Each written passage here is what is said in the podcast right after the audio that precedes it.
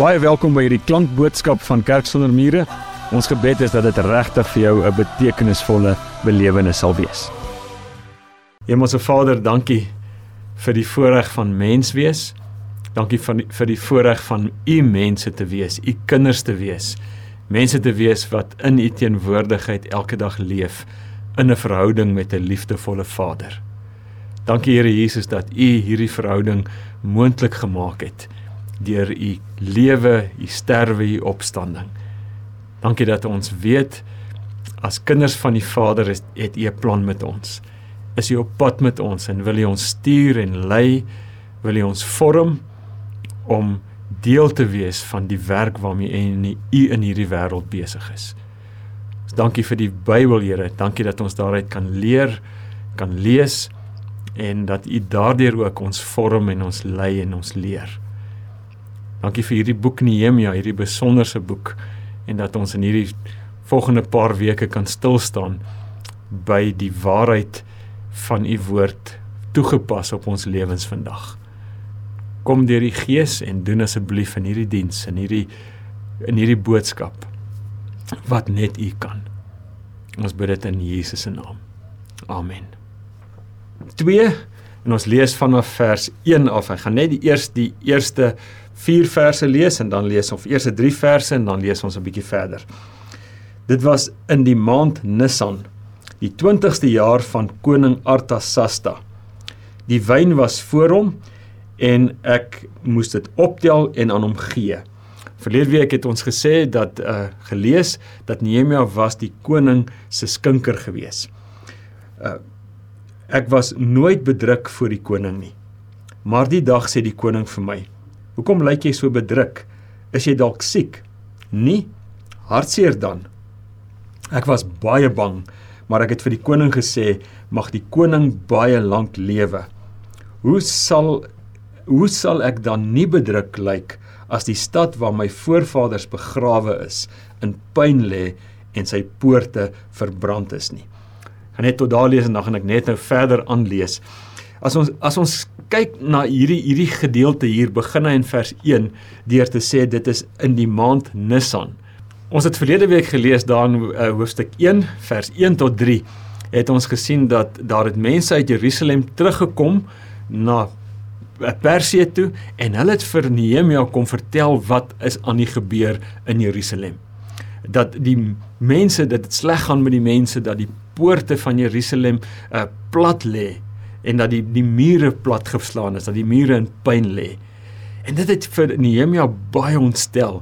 Ons het gelees dat dat hy het dadelik begin huil. Hy het gaan sit en hy het gaan huil en hy het gaan sit en hy het gaan op sy knieë neergeval en hy het gebid.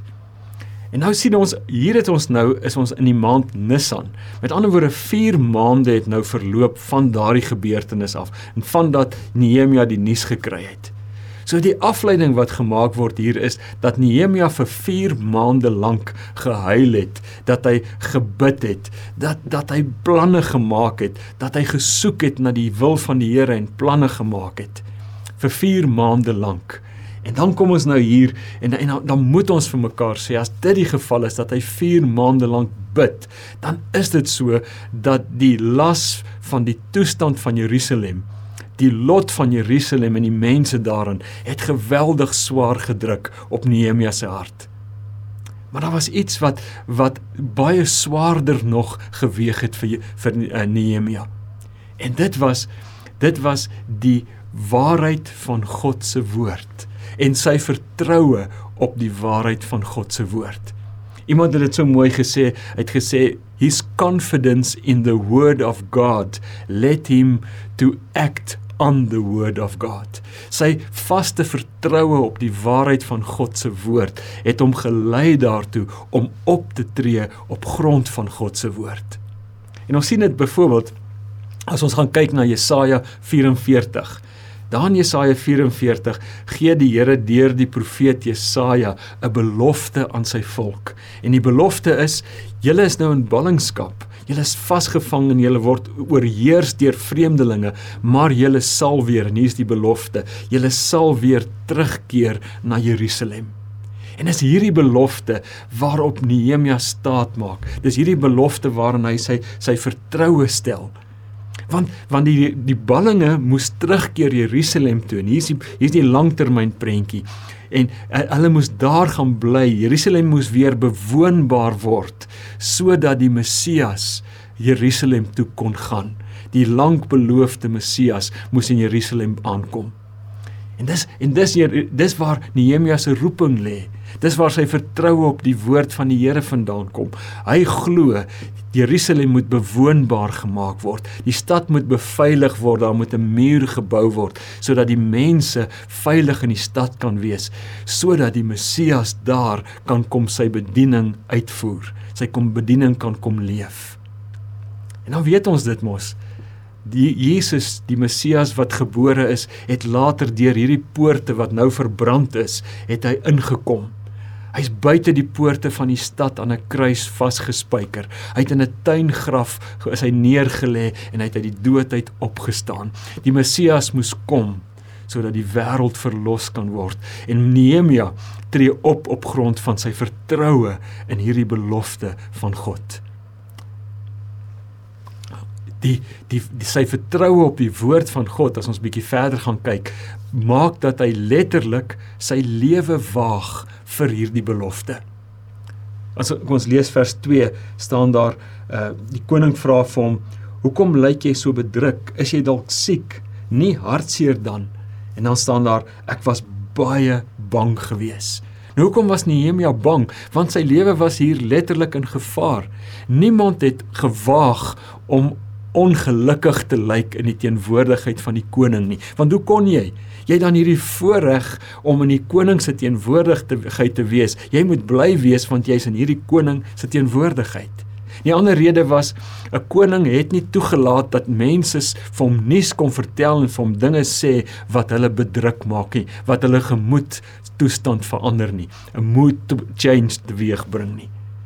Die Nehemia kom daar en hy lyk bedruk. Hy waag met ander woorde sy lewe omdat die las van en die belofte van God se woord so swaar op sy hart druk. En dan lees ons kom ons lees verder dan so hier, so hier kom Nehemia uit hierdie hierdie las hy waag sy lewe omdat hy vertrou op die woord van die Here.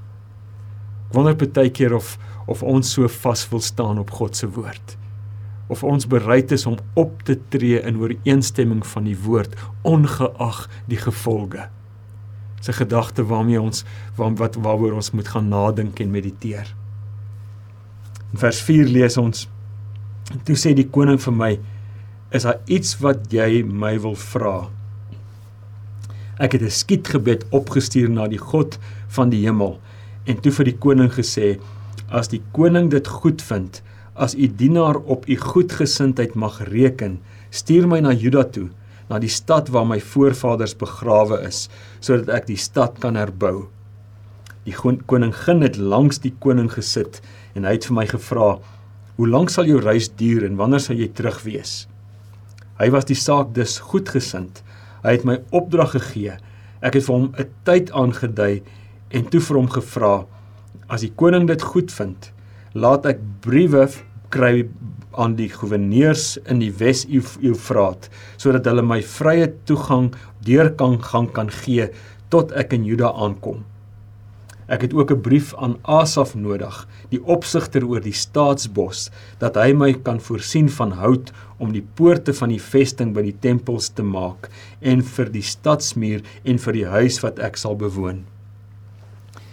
Vers 8 maar God het sy goeie hand oor my gehou en die koning het my versoek toegestaan. Nou hierdie versoek uh, kry ons nou hier hier, hier Nehemia staan nou die koning sê wat wil jy hê en dan kom Nehemia met die versoek. En hierdie versoek was 'n baie hoë risiko versoek. Dis die rede sê baie van die kommentare waarom hy die skietgebed opstuur. En die inhoud van die skietgebed het iemand gesê is eintlik was waarskynlik iets gewees soos: Here, of ek lewe of ek doodgaan, ek weet nie wat gaan gebeur nie, maar hier is ek. Hier ek hier, hier gaan ek, Here, ek gaan nou hierdie versoek rig Want jy sien Nehemia het nie geweet of sy sy sy versoek suksesvol gaan wees nie. Hy het nie geweet of hy gaan lewe en of hy gaan dood wees na hierdie versoek nie. Hy iemand het dit mooi gesê, he was willing to die to do the work of God and but he was hoping to live to do the work of God. Hy het geen waarborge gehad vir hierdie versoek van hom nie. Hy het sy lewe gewaag. Nou ek en jy is dink ek die meeste van die tyd 'n bietjie anders. Ons wil graag doen wat God wil hê ons moet doen.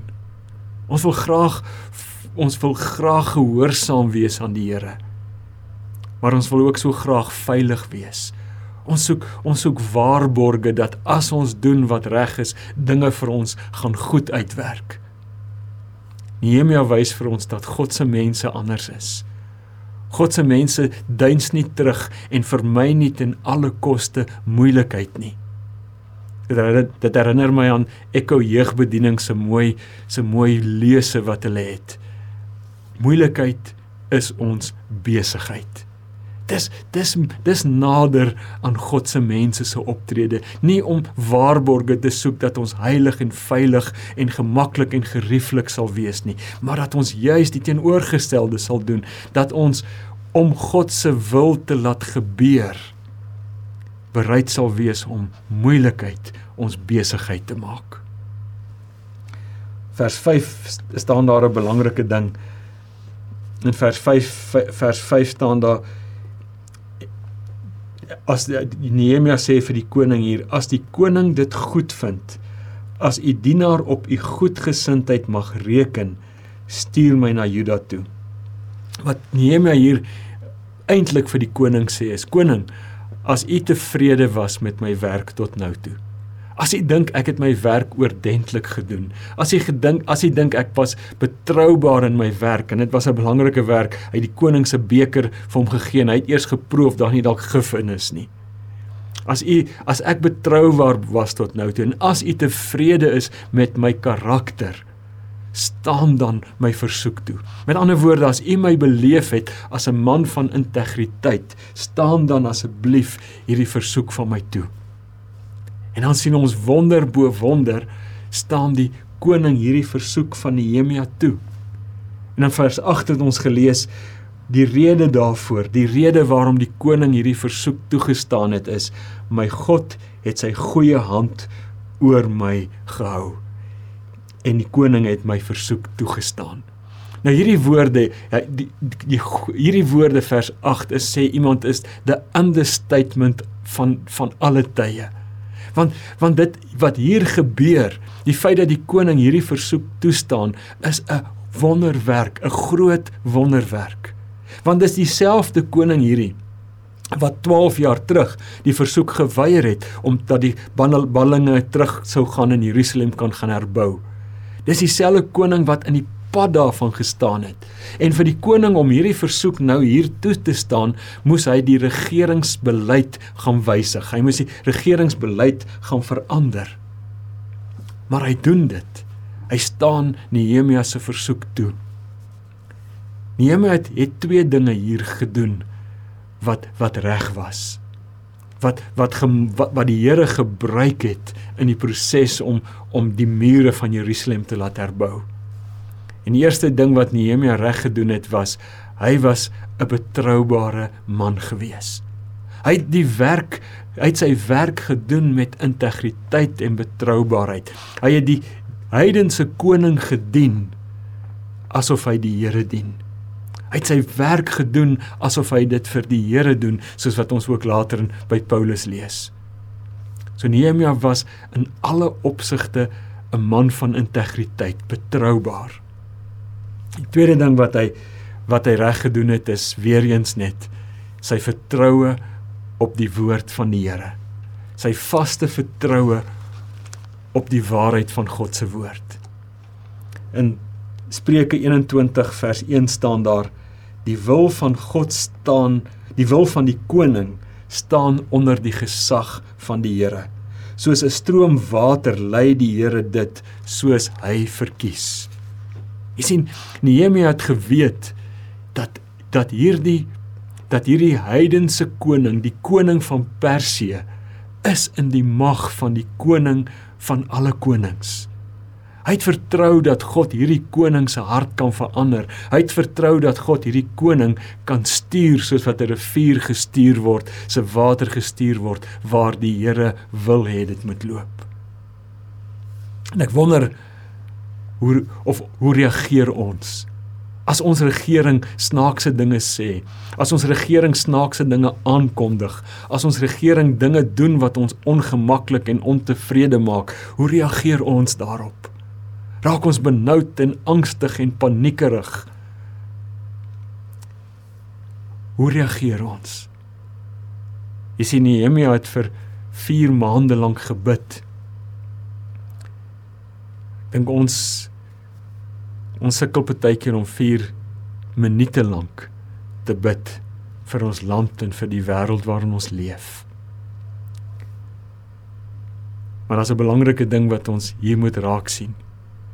En dit is dat Nehemia nie net gebid het nie. Nehemia het natuurlik uit ons sien hy het gaan sit en huil. Hy het op sy knieë gaan staan en hy het gebid. Maar hy het ook van sy knieë af opgestaan en hy het gaan werk. Toe die koning hierdie versoek van hom toestaan en hy sê vir hom Nehemia, "Wat is dit wat ek vir jou moet doen?" Toe was Nehemia voorberei.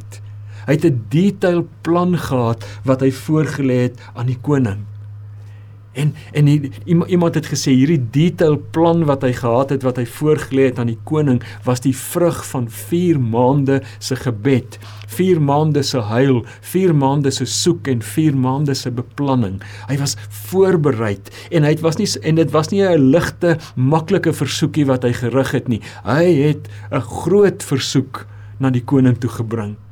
Hy het gesê koning eerste plek koning ons soek amptelike ondersteuning van die regering vir hierdie projek van ons. Die tweede ding was koning ons soek hout uit die staatsbos uit. En ons soek ruiters en ons soek soldate, wagte om ons te beskerm op pad soontoe in die, in hierdie proses. So dis 'n geweldige versoek wat hy bring na die koning toe. Wat ons by Nehemia leer is natuurlik moet ons bid. Natuurlik moet ons baie bid met ons moet volhardend bid vir ons land, vir ons regering, vir omstandighede, vir situasies. Maar daar's ook 'n tyd waarna ons moet beplan waar ons moet opstaan en waar ons moet werk, waar ons moet waar ons moet sake vat. Uh, iemand praat van 'n van 'n 'n 'n dat ons aktivisties iets moet kies wat ons sê hierdie situasie, ek fokus daarop en ek maak 'n verskil daarin die daar's 'n mooi latynse uitdrukking wat sê ora et labora bid en werk. Party van ons is beter met bid en ander is beter met werk. Nehemia leer vir ons die Here verwag van ons om te bid en te werk. Om om dit om wanneer ons klaar gebid het op te staan en ons te gaan beywer vir dit waarvoor ons gebid het. Nou blaai ons na vers 17 toe en vers 18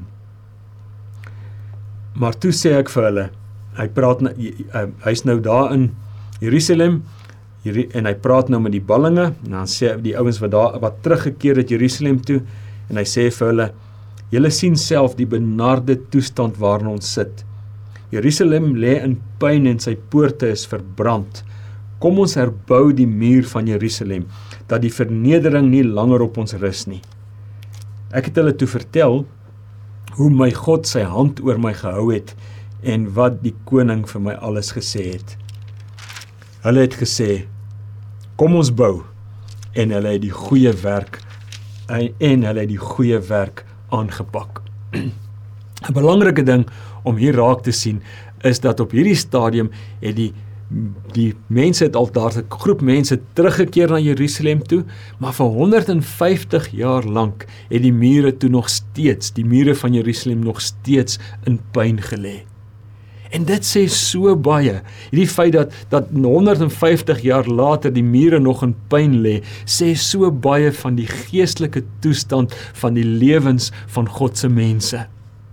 Want jy sien, uh, die uh, vervalle lewens lei dikwels tot vervalle omstandighede. Nee, nie dikwels nie. Vervalle lewens lei tot vervalle omstandighede. Mense wat mense die die inwoners van Jerusalem se lewe was in pyn en daarom het die stad en het die mure van die stad in pyn gelê. Want die waarheid wat ons ook lees in die Nuwe Testament leer, is dat die lewe van mense, my en jou lewe, word gelewe vanuit ons harte.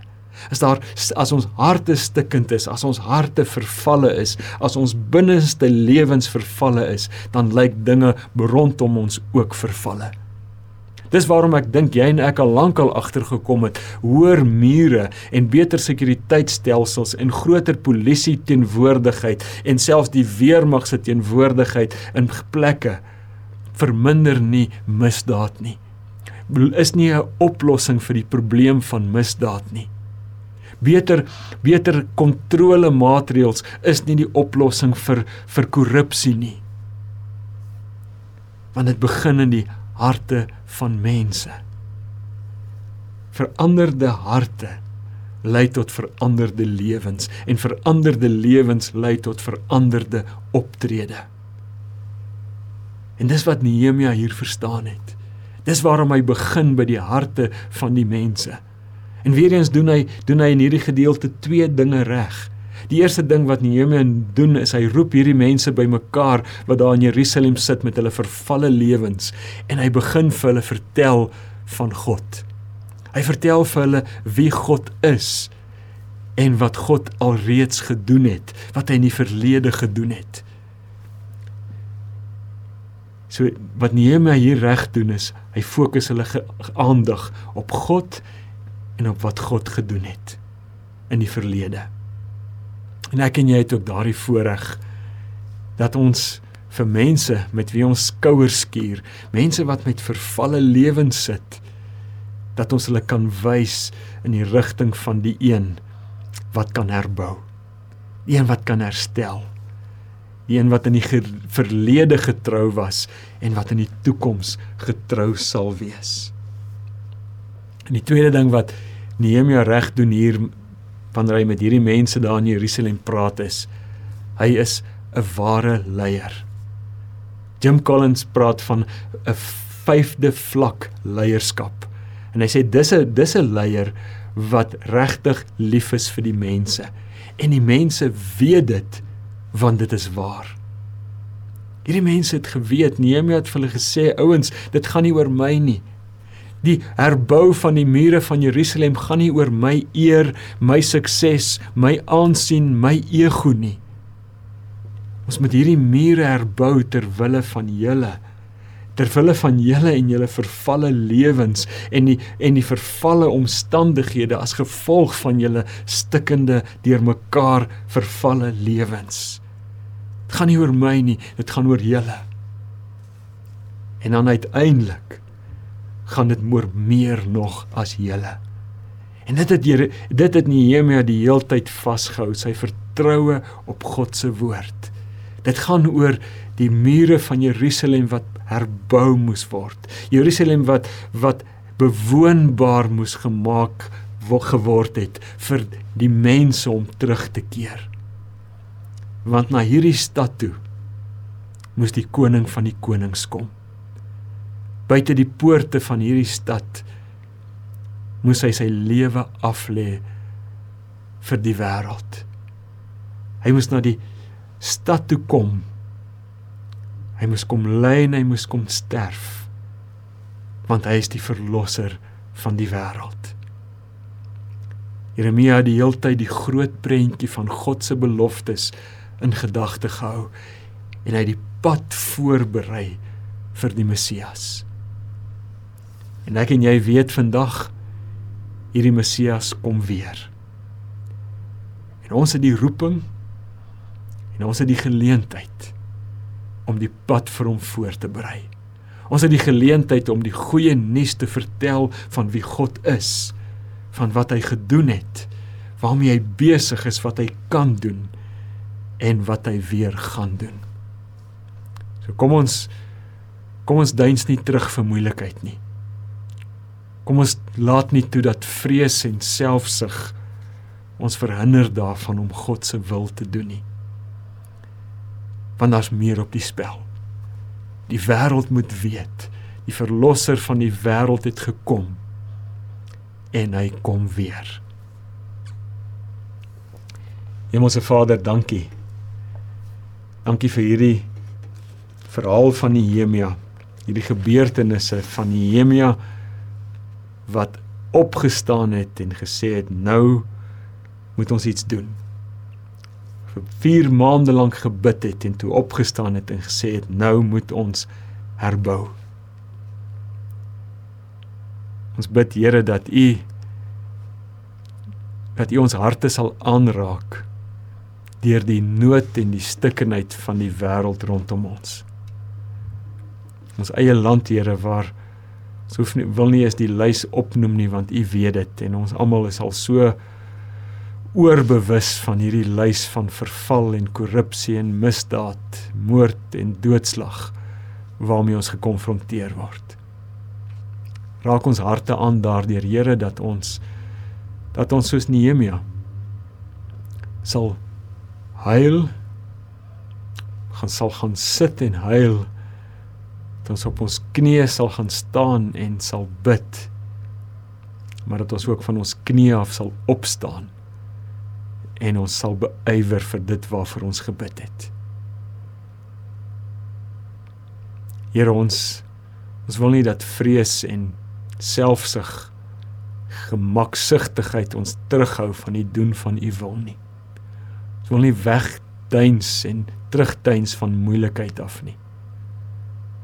Ons wil u wil doen al vra dit ook wat. En as ek dit sê Here, dan weet ek dis groot woorde en is moeilik. Maar ons wil vertrou Here op u woord en op u beloftes dat u getrou is en dat u ons nooit los nie. Ons loof en ons eer u dat u is wie u is. Die een wat in die verlede getrou was en wat ook in die toekoms getrou sal wees. Ons bid dit in die naam van Jesus, die Messias, die verlosser van die wêreld. Amen. Indien hierdie boodskap vir jou iets beteken het, dan wil ek vir jou vra, deel dit asseblief met iemand wat jy ken. En moet asseblief nie vergeet nie, ons sal jou bitter graag wil verwelkom by ons in-persoon eredienste op Sondag. Vir meer inligting oor Kerk sonder mure, jy baie welkom om ons webtuiste te gaan besoek of ons op sosiale media te volg.